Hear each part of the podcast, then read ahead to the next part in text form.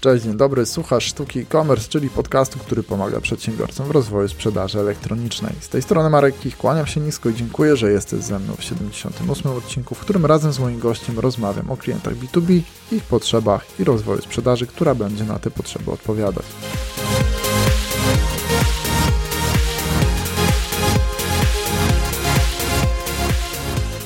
To będzie rozmowa o tym, o co właściwie chodzi klientom B2B. Jak ich pozyskać i potem realizować, co sprawia, że tacy klienci chcą kupować i czy platforma B2B jest im na pewno do tego potrzebna, a skoro jest, to jak ją rozwijać, żeby odpowiadała na potrzeby rynku i przy okazji nie zabiła organizacji.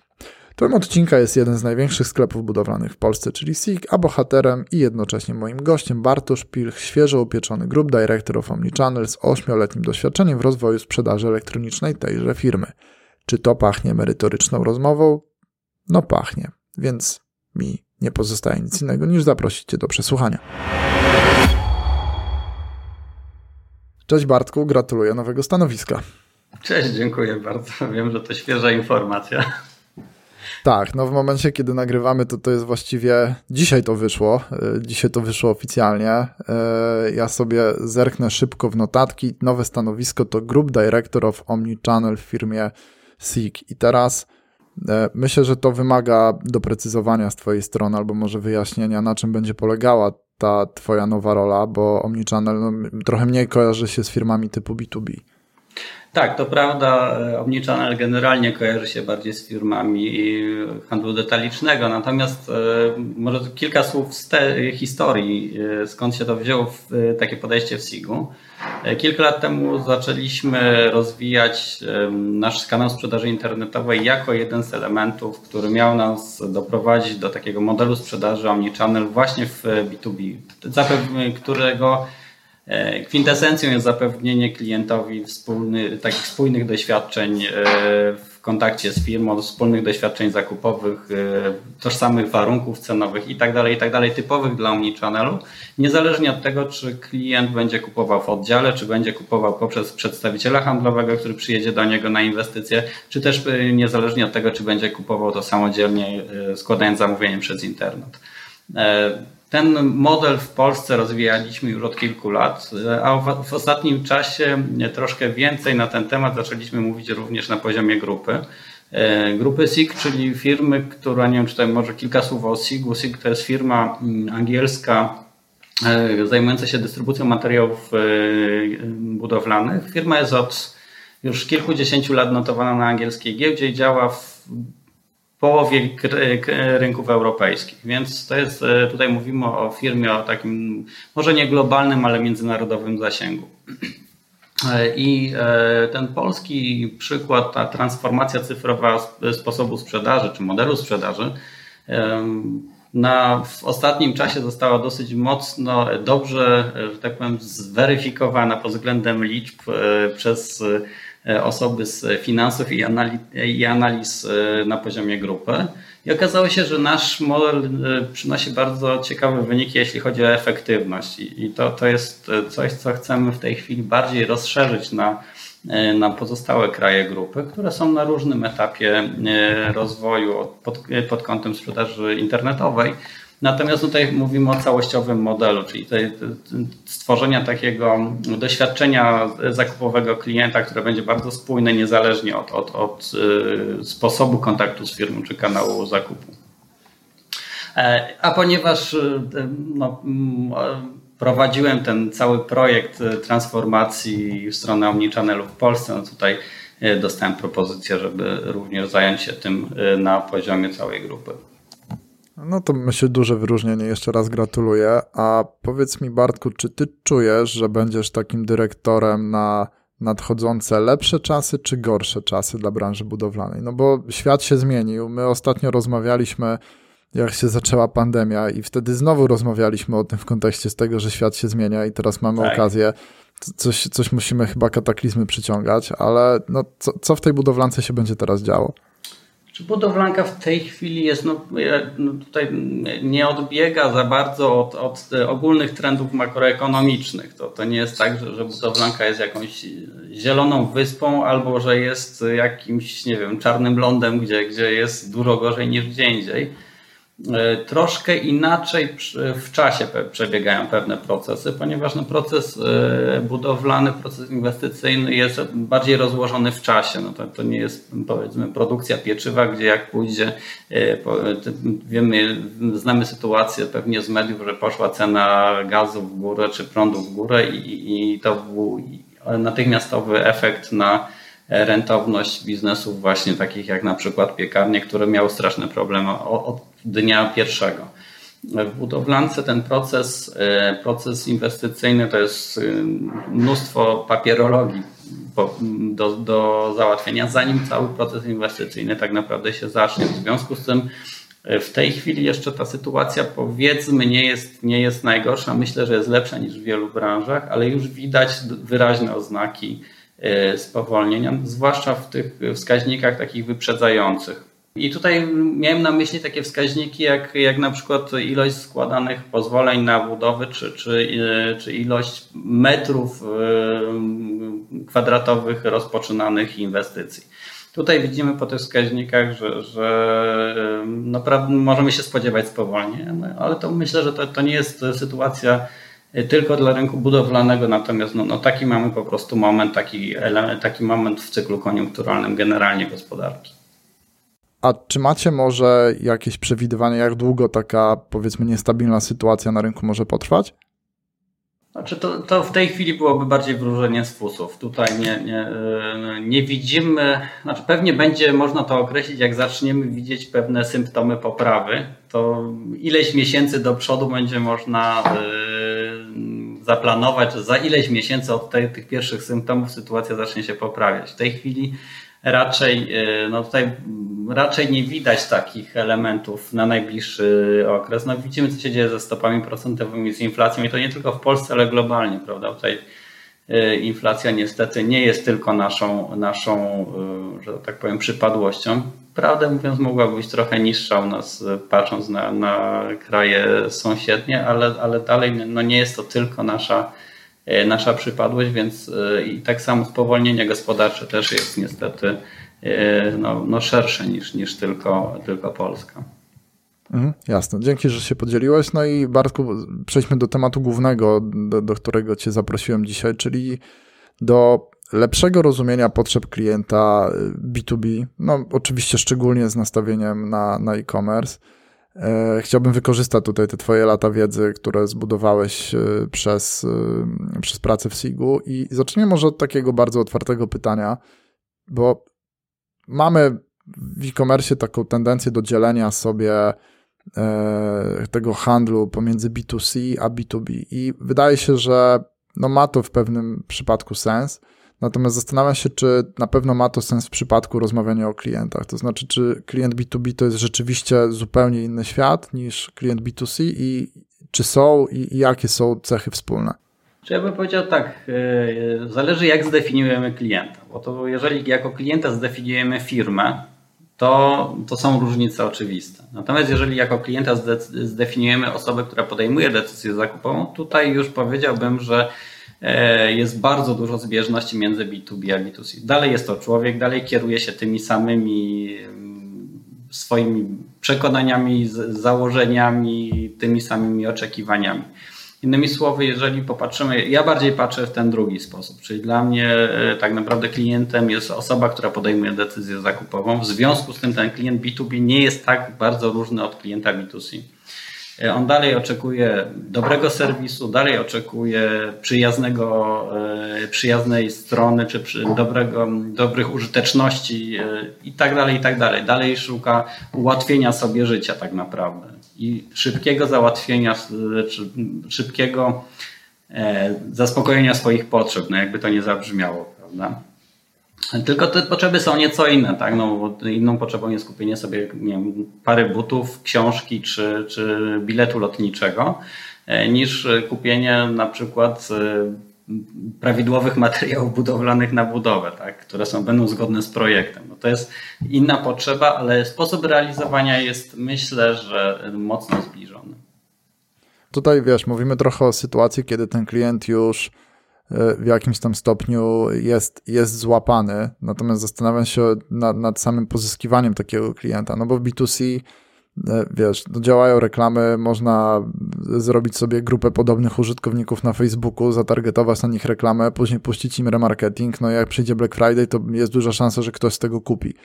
No w B2B pewnie mało kto czeka na Black Friday, żeby sobie kupować materiały budowlane, szczególnie u Was, e, więc jak zabrać się za pozyskiwanie tego typu klientów?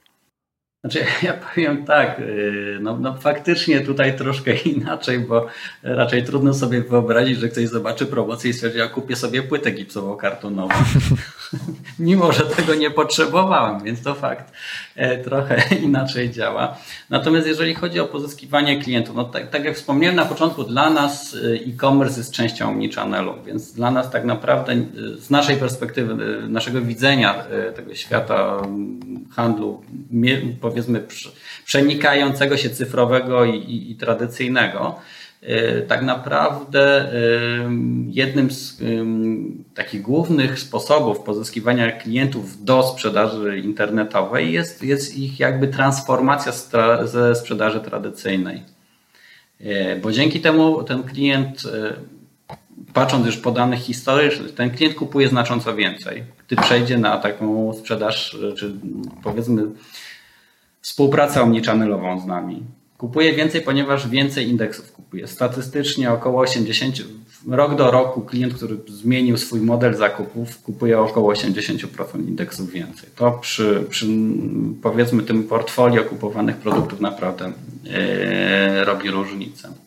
Z drugiej strony ten klient uwalnia czas, który był y, jakby wykorzystywany do jego obsługi przez handlowca, czyli tutaj y, tu, tu, mamy efektywności też po stronie naszych handlowców, którzy dzięki temu, że część z ich klientów przechodzi do tej obsługi omnichannelowej, czyli mówiąc wprost, część rzeczy wykonuje samodzielnie, bo ma tak szybciej i wygodniej i bardziej w odpowiednim momencie dla klienta handlowiec ma, jest w stanie obsłużyć większą ilość klientów w ciągu tego samego e, czasu pracy, czyli to też jest dla nas ta, ta druga część efektywności, więc to jest taki dla nas pierwszy, pierwszy model, to jest właśnie to przesuwanie klientów z klientów tradycyjnych na klientów um, omnichannelowych.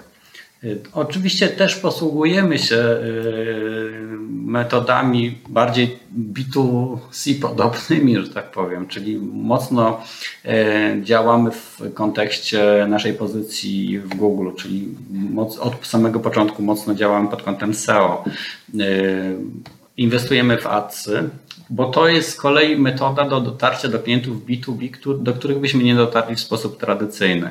Takim przykładem, którym mogę podać klientów, którzy nam się na, zaczęli pojawiać wraz z, przejść, z, z inwestycją, uruchomieniem sprzedaży internetowej, są klienci, którzy dokonują jakichś tam jednorazowych zakupów ze względu na remont na przykład swojej siedziby firmy, ze względu na remont. Dosyć duży, dużą częścią naszych klientów to są na przykład gabinety dentystyczne, weterynaryjne i tego typu, czy kosmetyczne, które, które raz na parę lat potrzebują zrobić remont swojego e, miejsca świadczenia swoich usług.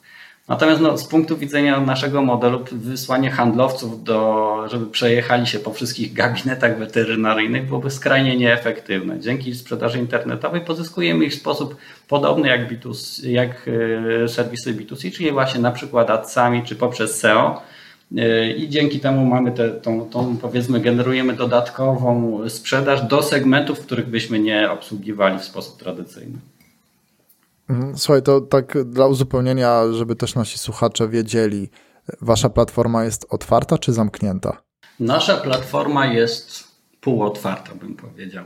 To znaczy, każdy może na nią wejść, każdy może po niej się poruszać, każdy może, mamy możli ma możliwość dokonania zakupów jako gość, ale niektóre funkcjonalności są dostępne dla zalogowanych klientów, ponieważ e, jako B2B na przykład każdy z naszych klientów już e, powiedzmy aktualnych klientów ma swoje indywidualne ceny. Więc żeby do, dotrzeć do indywidualnych cen należy się zalogować. Mamy funkcjonalności, które są dedykowane, które mają ułatwić życie naszym klientom, a niekoniecznie y, firmom, które z nami nie są związane relacją handlową, ponieważ no, no to jest coś, co, co chce, te, tym też chcemy przyciągnąć do, do nas. Tak? Są to takie rzeczy jak na przykład możliwość ściągnięcia dokumentów technicznych, które są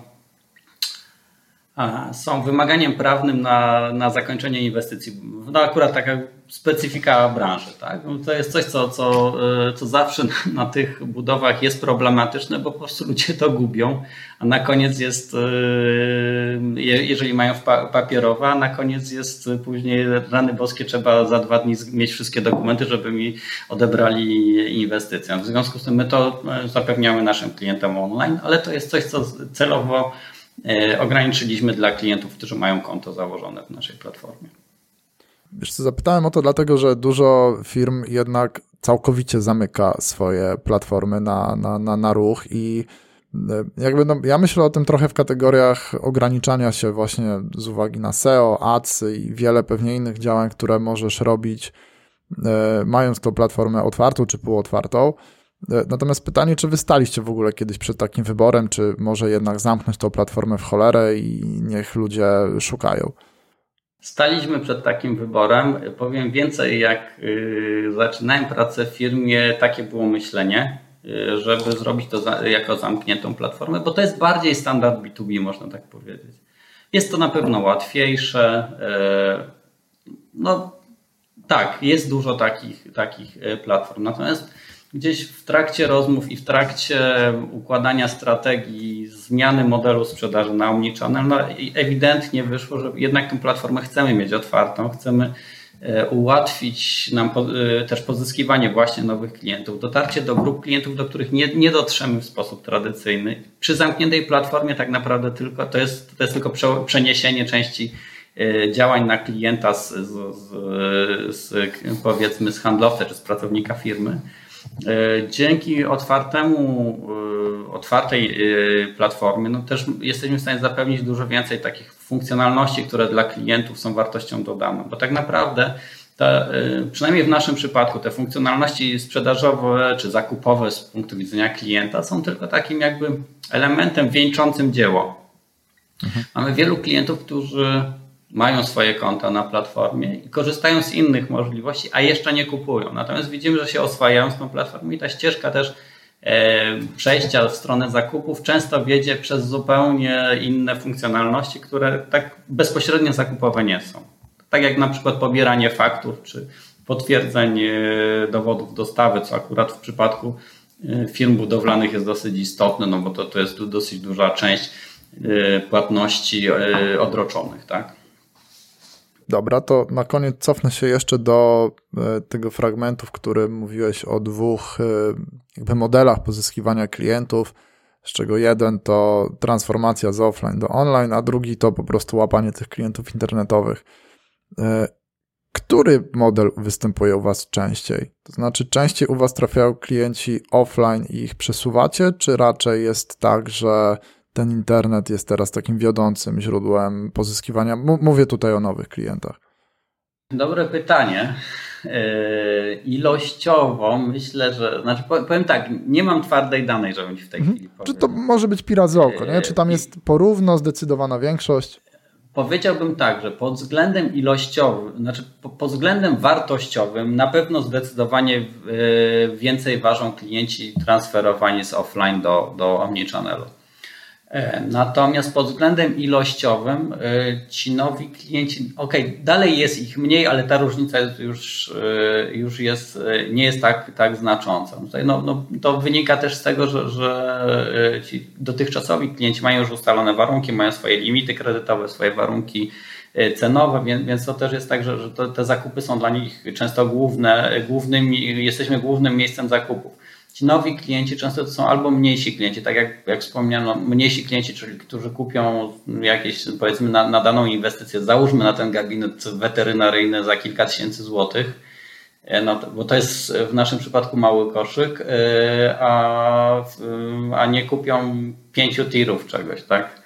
To jest ta, ta różnica, więc, więc tam kupią dwie palety zamiast kilku samochodów i, i ta różnica wartościowa jest na, na pewno znacząca, natomiast ilościowa na pewno jest na korzyść klientów dotychczasowych, transformowanych, ale tutaj y, nowi klienci pozyskani przez, y, że tak powiem, przez internety też są, y, no rosną. A czy są tacy klienci, których wam się nie udało skonwertować? To znaczy, na pewno są tacy naturalni, tacy powiedzmy korporacyjni, gdzie musielibyście pewnie zrobić im indywidualną platformę, żeby się udało. E, bardziej mi chodzi o to, czy są tacy nieprzekonani i, i skąd to nieprzekonanie się bierze. Tak, oczywiście, że są. Niestety, znaczy niestety, jest ich wciąż więcej niż tych przekonanych, tak, tak mówiąc wprost. E, jeżeli popatrzymy na ilość klientów omnichannelowych, no mam dane za, za, pierwsze, za pierwsze półrocze tego roku, to było około 18% naszych klientów. E, więc, więc to nie jest e, tak, że do, do, większości jeszcze całkiem sporo. Natomiast oni stanowili ponad 30% naszej sprzedaży, więc, więc widać, że ta efektywność e, klientów omnichannelowej jest po prostu wyższa. Co do klientów korporacyjnych, paradoksalnie kilku mamy. E, z którymi e, pracujemy. I oni też są dla nas inspiracją i, i takim dawcą insightów, e, bo, bo z nimi mamy często wprost informacje od nich, czego, jakie, jakie mogą być ich oczekiwania, wymagania względem platformy. I to nam pomaga rozwijać tę, tą naszą ofertę cyfrową, która później okazuje się, że, że tak naprawdę te, tego samego potrzebowali mniejsi klienci, więc, więc często y, część naszych, e, naszych rozwiązań jest właśnie dzięki ścisłej współpracy z dużymi klientami, y, a później jest wykorzystywana również przez tych mniejszych. E, mamy też to, trochę takich funkcjonalności indywidualizujących, nazwijmy to e, serwis pod, pod klienta, więc to też jest taka rzecz, którą widzą już osoby zalogowane, zalogowane w danej firmie. E, jeśli chodzi o to, dlaczego część jest nieprzekonana, ja, ja powiem tak, e, często to jest po prostu przyzwyczajenie. Pod tytułem jestem na budowie, biorę telefon, dzwonię do handlowca i mam załatwione. To jest po prostu wygodne. I, I tutaj my też nie, nie chcemy walczyć z tym, żeby powiedzieć klientowi, masz zrobić coś, co jest dla ciebie mniej wygodne. Nie, wręcz przeciwnie tą filozofią na, naszego podejścia do, do, do Omnichannelu jest to, że, że chcemy zapewnić klientowi to doświadczenie, które będzie z jego perspektywy najkorzystniejsze i najbardziej wygodne. może się przełączyć raz z jednego kanału na drugi. Niektórzy mogą korzystać tylko z jednego, niektórzy z dwóch, niektórzy z pięciu, bo, bo, bo to też y, takie możliwości mają. I, i tak i mamy takie, i ci klienci, którzy są z naszej perspektywy najbardziej rozwojowi, ci, którzy na, na, na których widzimy naj, naj, najciekawsze trendy, jeśli chodzi o, o, o sprzedaż, to są właśnie ci, którzy korzystają z większej ilości tych punktów styku z, z SIG-iem. Natomiast ci nieprzekonani, no tak jak mówię, no często to, jest, to są też bariery wiekowe. Branża budowlana w Polsce jest, jest w dużym stopniu obarczona taką nadchodzącą zmianą pokoleniową bo e, wiele firm, które rozwijały się z sukcesami przez ostatnich 20, 20 parę lat, no to są firmy, które były zakładane właśnie wtedy przez osoby, które wtedy były w sile wieku, a teraz się zbliżają do wieku emerytalnego, albo często już są, że tak powiem, pracują mimo osiągnięcia wieku emerytalnego. Takie osoby niekoniecznie chcą szukać nowych rozwiązań. Oni po prostu są przyzwyczajeni do, do, do swojej metody pracy przez 20 lat, no i, i raczej są, e, no już tak bardziej się skłaniają do tego, żeby przygotować kogoś, kto przejmie sukcesję w firmie. Więc, więc to jest. E, to, to jest też naturalne, natomiast no, dzięki temu, że właśnie ta sukcesja zaczyna następować, też widzimy, że pewne w pewnych firmach pewne rzeczy łatwiej jest e, już, e, że tak powiem, dograć właśnie dzięki temu, że, że, że zmienia się to, że ta zmiana pokoleniowa następuje. No to w takim razie może zapytam z drugiej strony, biorąc pod uwagę, że macie tylu nieprzekonanych tych klientów, co, co stanowi całkiem, całkiem przyzwoity odsetek, w sensie jest ich dużo,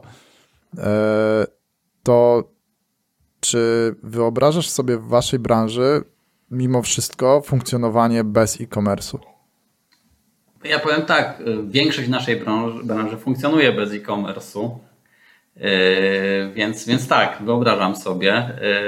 Yy, może to jest trochę strzał we własne kolano, ale, ale tak, to jest branża, w której w tej chwili można funkcjonować bez e-commerce'u, natomiast on nabiera po prostu znaczenia i, i, i, myślę, że będzie coraz ważniejszy. Zresztą widzimy to też po, po, po ruchach na rynku, gdzie, gdzie nasi konkurenci też zaczynają inwestować.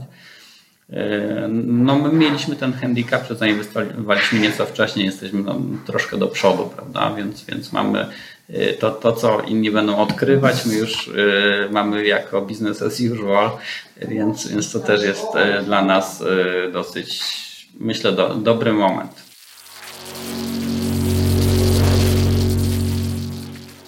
No dobrze, słuchaj, no to w takim razie myślę, że mamy, mamy tą taką pierwszą część dotyczącą samego e, wdrażania klientów B2B i, i tego, czy, czy to jest łatwe, czy trudne, czy w ogóle to jest możliwe. E, porozmawiajmy więc o tym, jak rozwijać platformę e-commerce B2B w taki sposób, żeby ona odpowiadała potrzebom klientów. E, I, I może zacznijmy od tego, czy, czy w ogóle jest takie coś, jak taka najważniejsza funkcja w e-commerce B2B, bez której no właściwie nie ma szans.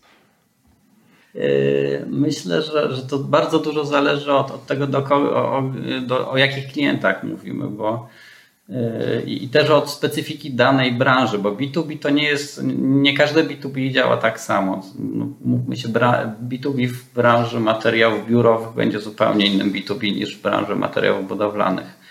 Yy, natomiast tak, na, na, że tak powiem, jakbym miał sam obstawiać taką, taką główną rzecz, to jest indywidualizacja warunków. To jest to, żeby klient widział swoje rzeczywiste ceny, swoje rzeczywiste warunki y, zakupowe, pod, no, jakie by one nie były, czy pod względem właśnie limitów kredytowych, limitów jakichś ilościowych itd. Tak itd. Tak y, z drugiej strony bardzo ważną i to widzę, że to jest u nas takim elementem pomagającym nam w, w, we wdrożeniu, zwłaszcza większych i średnich klientów yy, sprzedaży omnikanałowej, to jest yy, taka yy, szeroko rozbudowana kafeteria uprawnień, czyli możliwość wy, wy, wyklikania, mówiąc tak może niezbyt po polsku, y, uprawnień dla poszczególnych użytkowników i, i, zapewnienia kontroli nad tymi zakupami dla osób, które decydują o zakupach, dla właścicieli firm, dla, dla zarządów czy dla działu zakupów. E, czyli, czyli to są takie rzeczy, które pomagają po prostu e, w realizacji optymalnych zakupów w danej firmie. Mógłbyś tak trochę przybliżyć ten model zakupowy, który u Was występuje najczęściej, bo, bo to, to też różnie bywa w różnych firmach B2B. Czasami to jest tak, że to jest po prostu jakaś tam jedna firma świadczy usługi drugiej firmie, w której jest handlowiec i on sobie kupuje. No tam nie za bardzo są jakieś głębokie uprawnienia. U, u Ciebie mówisz, że jest to temat zaawansowany. Z czego to w ogóle wynika? To wynika z tego, że często, no, podam przykład, jeżeli firma, y, nasz, nasz klient jest jest firmą, która działa równocześnie na 30 budowach. To ktoś te decyzje o zakupie podejmuje, tak? Więc, więc y, pytanie, czy te decyzje będą bezpośrednio na budowie podejmowane. Y, wtedy jest to bliżej miejsca, gdzie, gdzie te zakupy są wykorzystywane, więc racjonalnie. Z drugiej strony, no, też ktoś, kto zarządza tą firmą, kto wykłada, wyłożył na nią pieniądze, kto dla kogo ważny jest efekt finansowy, chciałby wiedzieć, że te zakupy są dokonywane racjonalnie, że, że ta osoba, która na przykład świeżo przyszła do firmy, no nie, nie zrobi jakichś przysłowiowych głupot, no już nie mówiąc o nieuczciwości, prawda? E, więc e, w takiej sytuacji na przykład jednym z takich uprawnień, które u nas są bardzo często wykorzystywane, są limity e, wartościowe zamówień. Czyli dana osoba może zamówić do kwoty X, jeżeli ich potrzebuje zamówić do powyżej kwoty X, to to zamówienie automatycznie idzie do akceptacji do innej osoby, która jest wskazana. I, I, to jest takie uprawnienie, które u nas widzę, że bardzo jest wykorzystywane.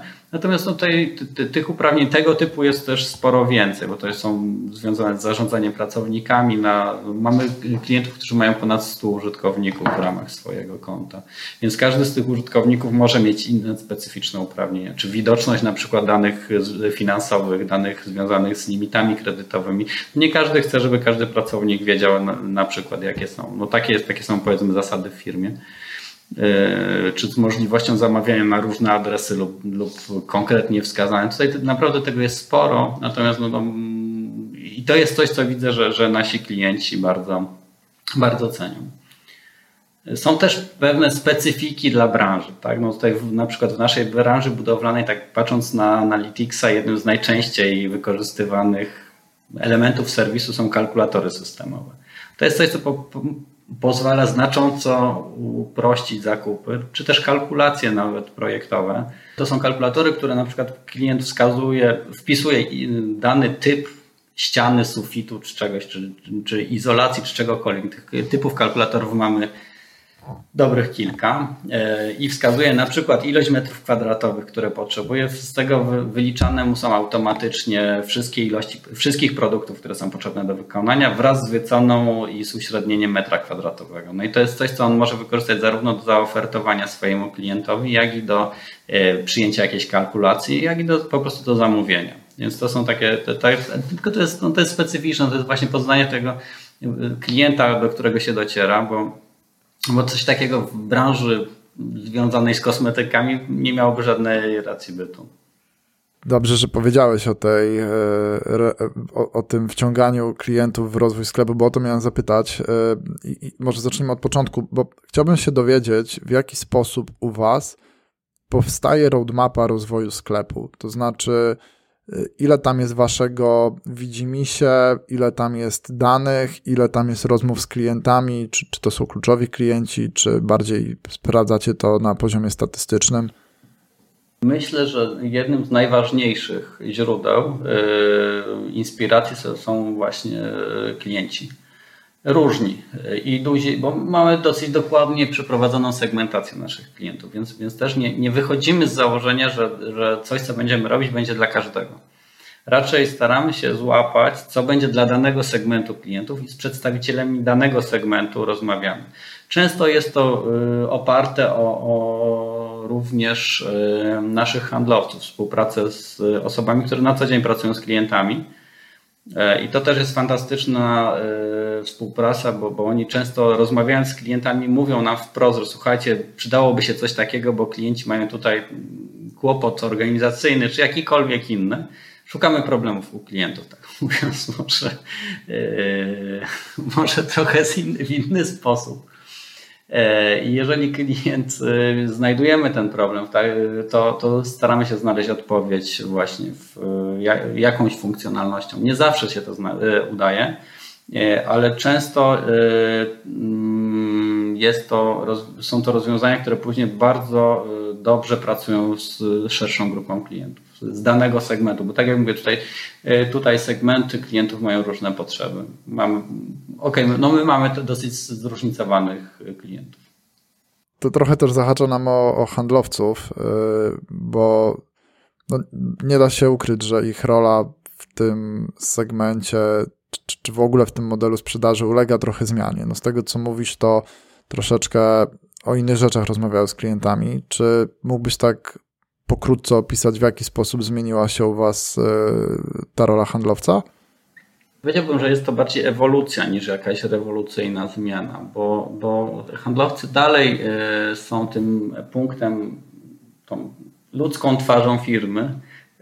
Tą osobą, która e, dogrywa warunki e, sprzedażowe, czyli na przykład ustala ceny, ustala warunki umowy, ustala warunki płatności. To jest wszystko, co, co, co jest i co planujemy, żeby zostało w rękach handlowców. Natomiast ta rola troszkę się ogranicza w zakresie takiej pracy pod tytułem wklepywanie zamówień do, do naszego systemu, bo, bo to, tego już nie musi robić, prawda? Jeżeli klient to zrobi samodzielnie, Ograniczamy dzięki, e, dzięki e, platformie cyfrowej również ilość papierów, które handlowcy muszą gdzieś tam e, byli, że tak powiem, zobowiązani do wypełnienia z, no, z, właśnie z, często z przyczyn bezpieczeństwa związanego z, z płatnościami odroczonymi. Więc tutaj też, też to są rzeczy, które gdzieś, gdzieś nam zmniejszają ilość pracy dla, dla handlowców, takiej pracy, która w zasadzie nie wnosiła sama w sobie jakiejś wartości dodanej, czyli ta praca jest dużo bardziej wartościowa, mówiąc prosto. Yy, poszczególnych osób, tak? poszczególnych handlowców. A gdybyś się tak cofnął w czasie, to no bo teraz to dla, dla wszystkich to jest jakaś norma, no już trochę lat jesteście w tym internecie, natomiast czy, czy pamiętasz może jak to było, kiedy, kiedy dopiero zaczynaliście? Tam był opór materii, ze strony działu handlowego, mniejszy, większy, w związku z tym, że no, pojawia się coś, co potencjalnie mogłoby ich po prostu zastąpić. Tak, jest, znaczy ja powiem tak, to jest naturalna y, obawa pod tytułem, no tak my żeśmy to mówili, przyjdą internety i nas zwolnią, tak, że, że y, co więcej mieliśmy wprost wyrażane opinie od y, naszych handlowców, którzy, którzy mówili, słuchajcie, ja nie chcę pokazywać tej platformy klientom, bo ona jest za łatwa w obsłudze, i jak oni się tego nauczą, to w ogóle nie będą mnie potrzebować. Y, tak, taka obawa była. Myślę, że ona jeszcze nie jest całkiem wykorzeniona, mimo że liczby mówią co innego, bo od momentu, kiedy uruchomiliśmy platformę e-commerce'ową, ilość naszych handlowców wzrosła, niż, a nie spadła, więc, więc to nie jest y, tak naprawdę y, dowód cyfrowy jest, mówi wyraźnie, że, że to nie jest zagrożenie dla handlowców, a szansa. I od początku tak, tak komunikowaliśmy, od początku taka była nasza strategia, pomysł na, na, na rozwój e, właśnie e, omnichannelu. Natomiast tak, te obawy były, te obawy też były związane z jeszcze z czym innym. No, trudno jest często ludziom sprzedawać coś, na czym się nie znają, a tą platformę to, to jest taka powiedzmy jakby usługa e, firmy, którą trzeba sprzedać. Więc, więc często y, gdzieś było takie zacięcie się związane z tym, że, że, że handlowiec nie wiedział, co ma odpowiedzieć klientowi e, e, na, na jakieś bardziej specyficzne pytanie, no i później się wycofywał. Tak, tak, no takie, natomiast ja, ja powiem tak, od y, dwóch albo trzech lat organizujemy regularny webinar. Co tydzień mamy webinary dla naszych handlowców wewnętrzne. E, takie wewnętrzne szkolenia 15 minut do pół godziny z poszczególnych elementów serwisu, z funkcjonalności, z dzielenia się też takimi przykładami, jak pewne rzeczy można yy, wprowadzić u klienta I, te webinary nam myślę, że mocno pomagają, bo, bo przełamują tą barierę związaną z, z poczuciem braku kompetencji osób, które, które tym później, yy, które mają później rozmawiać o tym z, z klientem. A czy nie macie obaw tak trochę w drugą stronę, no bo to, też o tym wspomniałeś, że droga klienta do e-commerce B2B to jest też przede wszystkim droga do, do, do pewnej samoobsługi, e, do, do, do samodzielnej pracy i no trochę jednak mimo wszystko odarcie z tej relacji i takie trochę usystematyzowanie tego, jak się, jak się mu współpracuje. Nie macie obaw, że klienci w, w, momencie, w którym tak naprawdę Was będą bardziej kojarzyli z narzędziem niż z tą relacją z handlowcem, które kiedyś były popularne, że tam się jeździło po hurtowniach i się piło kawę, to czy nie macie obaw, że jeżeli to zostanie sprowadzone tak naprawdę tylko do systemu, to no, mówiąc wprost, zamiecie Was system, który będzie lepszy? No i, i tutaj się odniosę jeszcze znowu do modelu omnichannelowego. To jest, yy, yy, my nie rezygnujemy z relacji bezpośrednich, tylko przenosimy je w inne miejsca. Więc to, to, to nie jest tak, że my chcemy powiedzieć, dobrze, teraz kliencie zaczynasz zamawiać online, odczep się od naszego handlowca, a ty handlowców zostaw tego klienta, zajmij się innym. Nie. Chcemy te, my, my te relacje bar, bardzo pielęgnujemy roz, i, i powiem tak, natomiast e, platforma internetowa daje nam dodatkowe możliwości. I ja, ja to, na to tak patrzę, że to nie jest narzędzie, które ma być bezdusznym narzędziem i tylko o nie mamy opierać relacje, ale ona daje dużo możliwości, których nie mamy e, tak naprawdę w świecie offline'owym. dużo możliwości, powiedzmy, szybkich weryfikacji pewnych rzeczy, usprawnienia obsługi, codziennego, tego, powiedzmy, codziennego życia biznesu, dzięki temu, że mogę sobie wziąć telefon w dowolnym momencie i sprawdzić na przykład y, stan magazynowy tego, co mnie interesuje w dowolnym z oddziałów mojego ulubionego dostawcy materiałów budowlanych y, a nie muszę dzwonić do handlowca, który właśnie może być na spotkaniu albo mieć urlop albo cokolwiek innego. Tak? Więc, więc tutaj przyspiesza, to, to pewne, pewne przyspieszenie E, dostępu do informacji ma znaczenie. E, z drugiej strony no, też rozwijamy na przykład program lojalnościowy, który nam bardzo, bardzo jest e, ściśle związany z platformą, ale dotyczy całości naszego, naszej sprzedaży, naszej całości. Nie wszystkich marek, ale, ale chodzi mi o całości sprzedaży w sensie on, zarówno online, jak i offline. Więc to też jest coś, co, co, czym wiążemy klientów. Próbujemy wiązać i widzimy, że tutaj on z roku na rok ma coraz większą ilość uczestników. Yy, nasi handlowcy też potrafią go używać jako, jako e, argumentów w, rozmowach, czy jako argumentu budującego pewną, pewną relacyjność, bo, bo ten program też, no, no z, tym, z tym programem też wiążą się jakieś tam yy, różne, różne atrakcje, więc, więc to też jest tak, że, że klienci są, są nim zainteresowani. A po prostu relacje handlowca są trochę inne. One nie są na, na zasadzie wpisz mi tu zamówienie do systemu, tylko są na zasadzie bardziej porozmawiając, co potrzebujesz, jakie są Twoje e, nie wiem, problemy bieżące, spróbujemy je rozwiązać. I to, to wydaje mi się, że wręcz e, przenosi ten, te relacje e, międzyludzkie na wyższy poziom.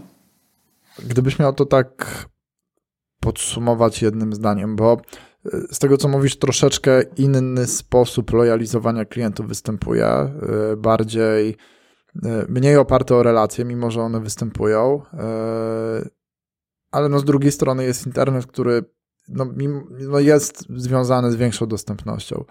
Czy ten nowoczesny klient korzystający z internetu i swobodnie się po nim poruszający jest bardziej czy mniej lojalny niż taki klient sprzed 8 lat, który był w formie tradycyjnej? To jest świetne pytanie, szczerze mówiąc.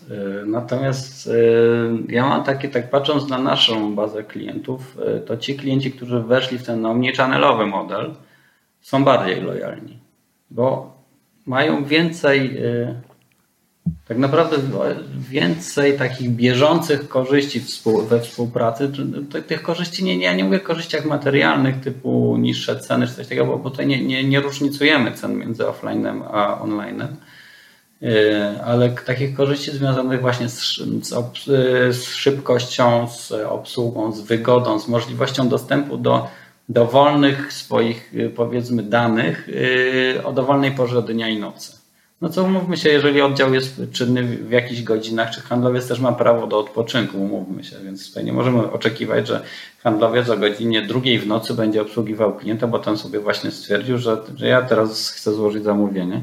To się zdarza, bo na przykład mamy klientów, którzy są mm, klientami produkcyjnymi, więc oni mają jakiś tam cykl produkcyjny, a osoba, która składa zamówienia jest, pracuje również w trybie zmianowym.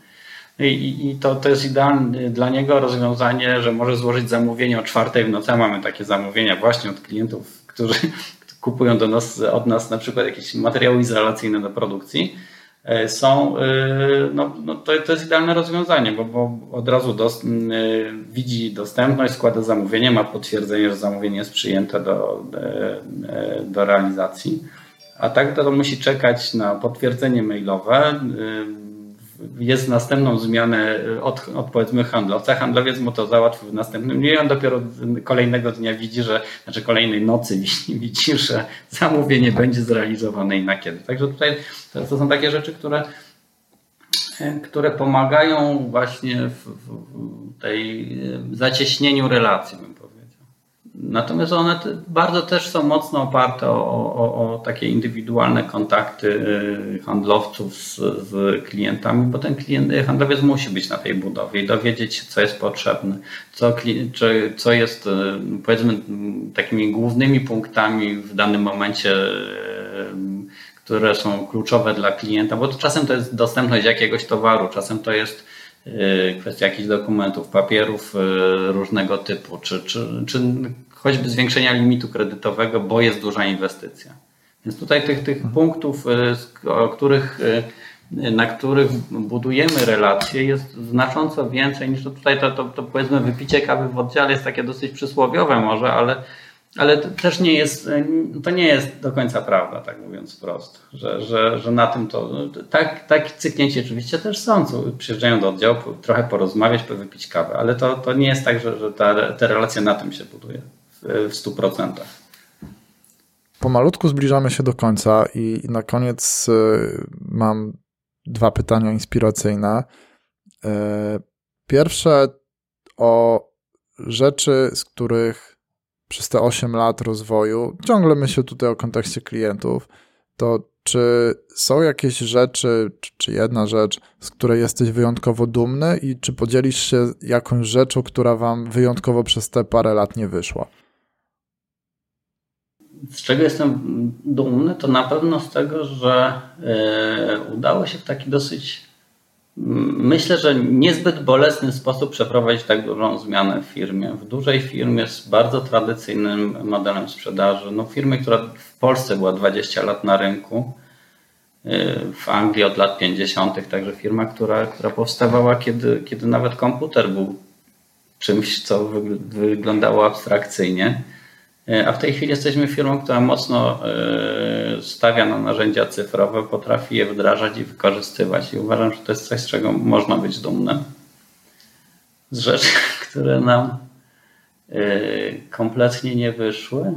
Powiem tak, ponieważ my się rozwijamy bardzo mocno w metodyce zwinnej, y, więc y, ja trochę inaczej podchodzę. Nawet jeżeli coś nam nie wychodzi, to jest dla nas po prostu jedna, jeden z tych elementów Agile'a, który, który po prostu bierzemy pod uwagę, że coś może nie wyjść.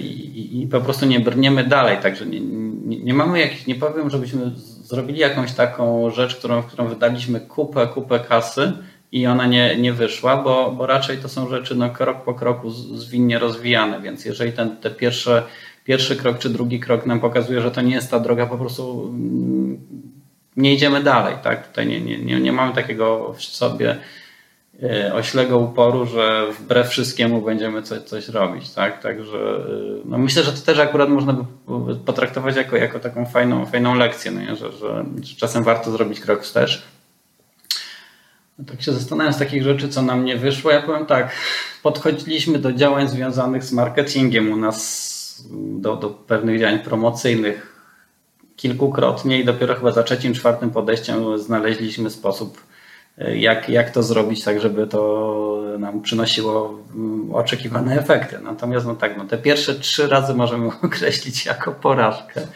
No ale koniec końców uruchomiliśmy program lojalnościowy, który nam super działa. No i to, to jest tak. To, to, tak także to, to jest, to jest ten, ta metoda, to, to podejście, które gdzieś, gdzieś w firmie staramy się e, promować.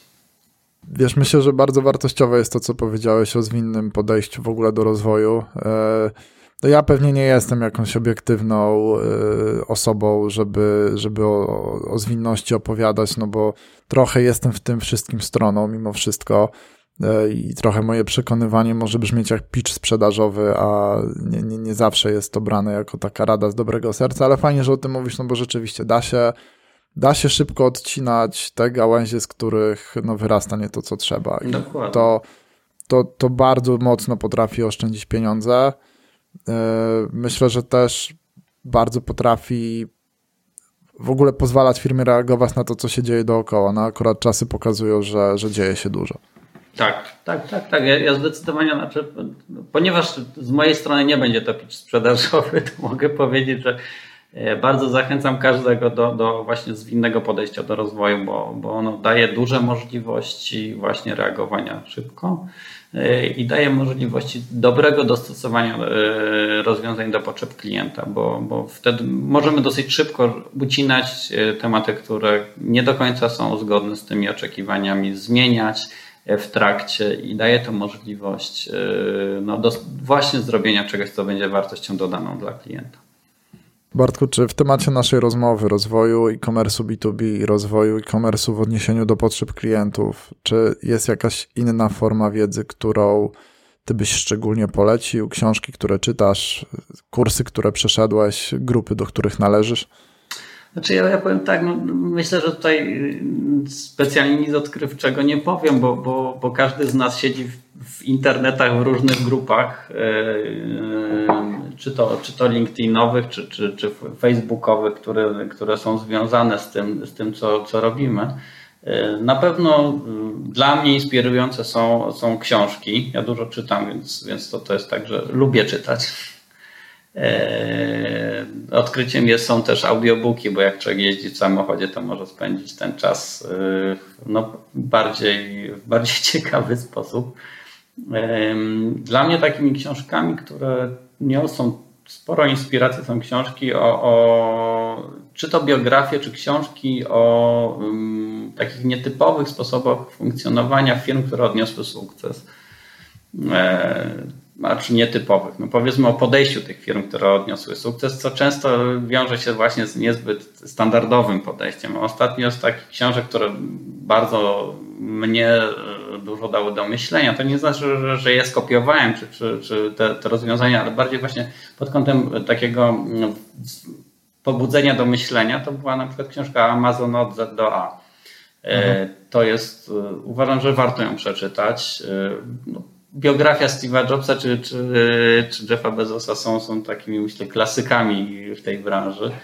E, ale też bardzo ciekawa książka, gdy regułą jest brak reguł, e, o podejściu Netflixa z kolei do, e, no do Myślę, że właśnie tak, takie książki, które pobudzają do myślenia, niekoniecznie na zasadzie, dobra, muszę to skopiować, bo tam powiedzmy E, wiele jest rzeczy, których się pewnie nie da skopiować, ale, ale można się nimi zainspirować. No dla mnie, ja powiem tak, dla mnie taką grupą, z której fantastycznie czerpię, jeśli chodzi o inspirację, jakieś pomysły i wiedzę, to jest e, Digital Experts Club, gdzie jesteśmy no, grupa osób, które coś tam w internetach siedzą i, i, i, i myślę, że e, jest to, jest to grupa, w której jeżeli ktoś się zajmuje e-commerce'em, warto być, bo, bo mnóstwo ciekawych ludzi, którzy mają bardzo fajne doświadczenia w różnych branżach. I to, te inspiracje międzybranżowe dla mnie są takie jednym, jedną z rzeczy, która y,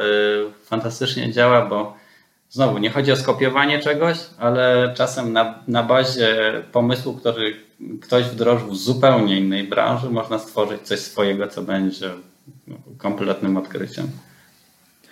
Dobrze, Bartku, to był kawał dobrej rozmowy, kawał merytoryki. Dzięki za to. I na koniec zadam Ci pytanie, które zadaję wszystkim moim gościom. Takie pytanie typowo inspiracyjne. Gdybyś miał naszych słuchaczy zostawić z taką jedną myślą, apelem, hasłem, czyli taką jedną rzeczą, którą chciałbyś, żeby każdy zapamiętał po tym, po tym nagraniu i po tej rozmowie, to co by to było? Warto wyjść poza schemat na pewno E, i, i szukać e, rozwiązań w nietypowych miejscach. To są to, to, co przed chwilą mówiłem, troszkę tego dotykało, czyli szukać rozwiązań czy inspiracji do, do swoich rozwiązań e, poza swoją branżą, w miejscach, gdzie, gdzie nikt normalny by ich nie szukał. No i myślę, że warto jeszcze myśleć klientem, mówiąc prosto, tak? Czyli gdybym był klientem, to bym to zrobił, to bym się z tego cieszył albo nie. No bo tak naprawdę trzeba, chodzi o to, żeby ten klient się cieszył z tego, co mu dostarczymy. Dokładnie tak. Dobrze, Bartku, dzięki za naszą rozmowę. Dziękuję za Twoją wiedzę. Trzymaj się i do usłyszenia następnym razem. Dzięki, do usłyszenia. Hej. Mam nadzieję, że po tej rozmowie masz już prawie gotowy plan rozwoju e-commerce w oparciu o potrzeby Twoich klientów. Zanim sobie pójdziesz, standardowo moja prośba. Jeżeli uznałeś ten odcinek za wartościowy, podziel się linkiem do strony marek.pl lub do strony tego odcinka, czyli marek.pl łamane na 078. Chociaż z jedną osobą, która według Ciebie może tej wiedzy potrzebować, pomożesz jej i mi, będziemy Ci za to bardzo wdzięczni. Pamiętaj też o tym, że warto śledzić mnie w social mediach, masz do wyboru kanały prywatne i firmowe zarówno na Facebooku, LinkedInie, a ostatnio też na Instagramie. Wybierz cokolwiek jest Ci wygodne, mi jest obojętne, ale myślę, że warto, bo dzięki temu będziemy w stałym kontakcie, a Ty będziesz na bieżąco. Dzisiaj to już wszystko. Dzięki, że wpadłeś. Do usłyszenia następnym razem.